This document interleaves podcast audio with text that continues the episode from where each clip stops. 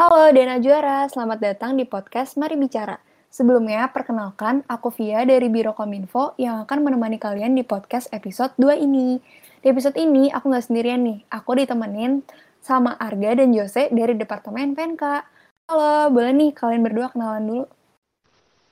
Halo, halo Via. Sebelumnya, thank you udah ngundang kami berdua. Dan kita dari Departemen Pendidikan dan Keilmuan yang biasa disingkat dengan PNK. Dan aku nggak sendirian, aku bersama Arga. Sebelumnya Arga kenalan dulu dong. Halo, kenalin nama aku Arga, aku dari uh, Biologi 2020 yang di sini sebagai PO Biowar OIM 2021. Halo Jesse dan Arga. Nah, kira-kira nih, hari ini kita mau ngomongin apa sih? Kita mau ngomongin buat teman-teman yang pengen banget nih berjuang di kancah keilmuan. Dan di sini kita akan ngomongin terkait BioR OIM dan juga OIM. Gitu. Wah, boleh jelasin dulu nggak, apa sih OIM itu? OIM itu sendiri singkatan dari Olimpiade Ilmiah Mahasiswa. Dan buat beberapa mahasiswa biologi, kadang tuh masih tertukar gitu loh antara OIM dan KM MIPA. Nah, lalu aku mau meluruskan lagi nih teman-teman, kalau OIM itu banyak cabang lombanya dengan KM MIPA yang dulunya on MIPA itu lebih mirip seperti kayak kalau di SMA itu KSN atau OSN. Nah, kalau misalkan KSN dan OSN ini itu lebih uh, seperti kayak lomba tertulis yang memiliki pilihan bidang ilmu seperti Olimpiade Biologi, Fisika, Kimia, dan Matematika. Sedangkan OIM ini banyak banget cabang. Ada kayak esai, ada kayak kuis, PKM, poster, gitu. Wah iya ya, namanya juga mirip tuh OIM sama ONMIPA. Semoga setelah dijelasin tadi, teman-teman udah nggak ketukar lagi ya. Nah, tadi kan Josia juga sempat sebut kalau misalnya OIM itu banyak cabangnya. Ada apa aja tuh cabangnya? Nah, OIM sendiri cabang-cabangnya ada PKM. PKM itu adalah program kreativitas mahasiswa dan itu terdiri dari penelitian eksakta atau biasa disebut dengan PE, teknologi, biasa disebut dengan P, karsa cipta yang biasa disebut dengan KC, kewirausahaan yang biasa disebut dengan K, masyarakat yang biasa disebut dengan M, gagasan tertulis yang biasa disebut dengan GT, dan artikel ilmiah yang biasa disebut dengan AI. Selain itu, ada juga debat bahasa Inggris dan debat bahasa Indonesia. Ada juga poster, esai, dan. Dan OIM ini punya tingkatan mulai dari fakultas sampai dengan universitas. Dan perlombaan OIM yang kali ini yang paling dekat itu adalah tingkat fakultas, tingkat MIPA. Wah, baik banget ya cabangnya dan kayaknya menarik-menarik semua nih. Terus nih, kira-kira ada nggak sih cerita atau testimoni dari para kontingen yang udah pernah berjuang untuk biologi di ajang OIMIPA di tahun-tahun sebelumnya? Semua kontingen merasakan bahwa kegiatan OIMIPA ini benar-benar seru banget dan menambah pengalaman.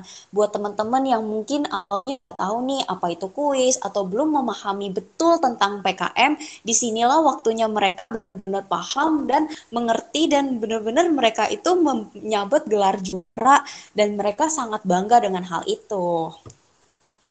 Oh, betul banget nih, karena kan juga ada pepatah yang bilang kalau pengalaman adalah guru yang terbaik. Terus nih, persiapan dari para kontingen dalam ajang OIMIPA itu gimana sih? Nah, persiapan dari para kontingen biologi itu kadang uh, tidak terlepas daripada tanggung jawab dari PNK. Nah, buat teman-teman sendiri yang mungkin masih bingung apa itu OIM, terus kayak aku sebelumnya belum pernah ikutan lomba sana sini nih. Nah, PNK sendiri menjadi fasilitator sebagai ajang OIM MIPA dan itu disebut dengan BioR OIM. Nah, fasilitas ini yang ditawarkan adalah pendataan calon kontingen. Selain itu ada pelatihan kontingen, lalu ada pengapresiasian bagi kamu yang sudah berjuang sebagai kontingen biologi maupun yang sudah juara. Dan ini benar-benar bagus banget nih buat teman-teman yang siap menjadi kontingen untuk jadi kontingen biologi. Oh, udah lengkap banget ya fasilitasnya. Nah, dengar-dengar kan sebentar lagi akan ada OIMIPA 2021. Apakah akan ada fasilitas serupa yang ditawarkan oleh PNK? Wah, tentunya nih ada Kak. Jadi untuk sekarang ini kan sudah kita laksanakan oprek untuk calon kontingen biologi uh, OI MIPA uh, yang terbuka mulai tanggal 28 Juni sampai 19 Juli 2021. Jadi setelah kita dapat kontingennya, kita akan ajak nih kontingen untuk masuk ke dalam grup yang sesuai dengan pilihan cabang-cabang lombanya. Nah, grup yang akan disediakan ini uh, akan digunakan untuk diskusi bersama dengan mentor dan kontingen lainnya. Hal ini sangat bermanfaat sekali untuk para kontingen yang ingin bersungguh-sungguh uh, terhadap cabang lombanya. Nah, pelatihan ini akan dilaksanakan minimal satu kali dan maksimal tiga kali rentan timeline pelatihan mulai tanggal uh, eh, 5 Juli sampai 31 Juli 2021. Hari dan eh, waktu pelatihannya akan dijadwalkan secara fleksibel tergantung kesepakatan para kontingen dan juga mentor. Jadi, untuk kalian yang ingin ikut OIMIPA tapi takut gak bisa dan gak ngerti, uh, jangan takut karena PNK akan memfasilitasi untuk pelatihan, pendaftaran, dan juga lainnya. Seperti itu. Wah, keren banget nih persiapan dari PNK. Udah lengkap banget. Jadi buat teman-teman yang masih ragu tentang pelatihan, PNK udah nyiapin semuanya. Nah, untuk persiapan dari PNK kan udah cukup. Pastinya persiapan dari masing-masing kontingen juga perlu kan? Kira-kira ada nggak sih tips dari kontingen-kontingen tahun sebelumnya untuk menghadapi ajang OIMIPA ini? Ada dong. Jadi uh, di situ terdapat beberapa cabang lomba dan di situ ada testimoni dari masing-masing kontingen.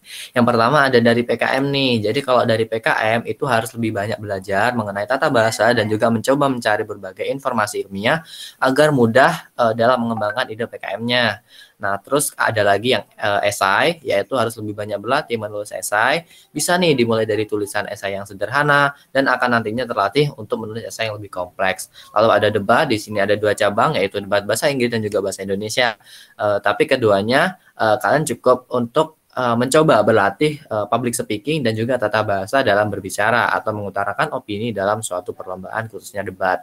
Lalu ada lagi poster di mana di sini mencoba untuk berlatih membuat desain yang sederhana terlebih dahulu nih dan juga mencoba untuk mencari rujukan desain yang lebih bagus sehingga kita bisa mengembangkan desain dengan baik. Lalu yang terakhir di sini ada kuis uh, bisa nih dengan cara untuk memperbanyak membaca tentang pengetahuan umum dengan mencoba menjawab kuis-kuis yang ada. Seperti itu.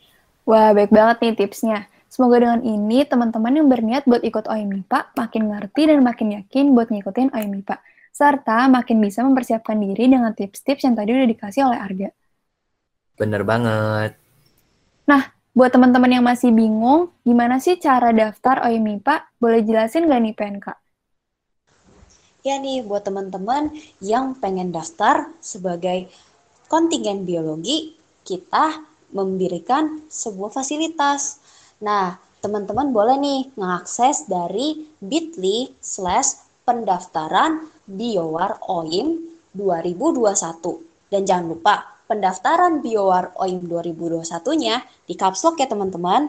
Setelah itu, jangan lupa mengisi data-data yang telah disediakan. Setelah itu, kami dari tim PNK akan menghubungi kamu dan memberikan info yang lebih lanjut. Oh, udah lengkap banget nih informasinya dari PNK.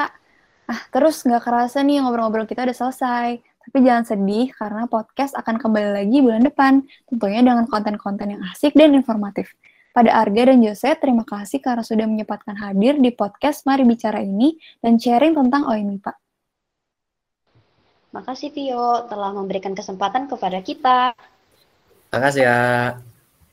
Terima kasih, sampai jumpa di podcast Mari Bicara selanjutnya.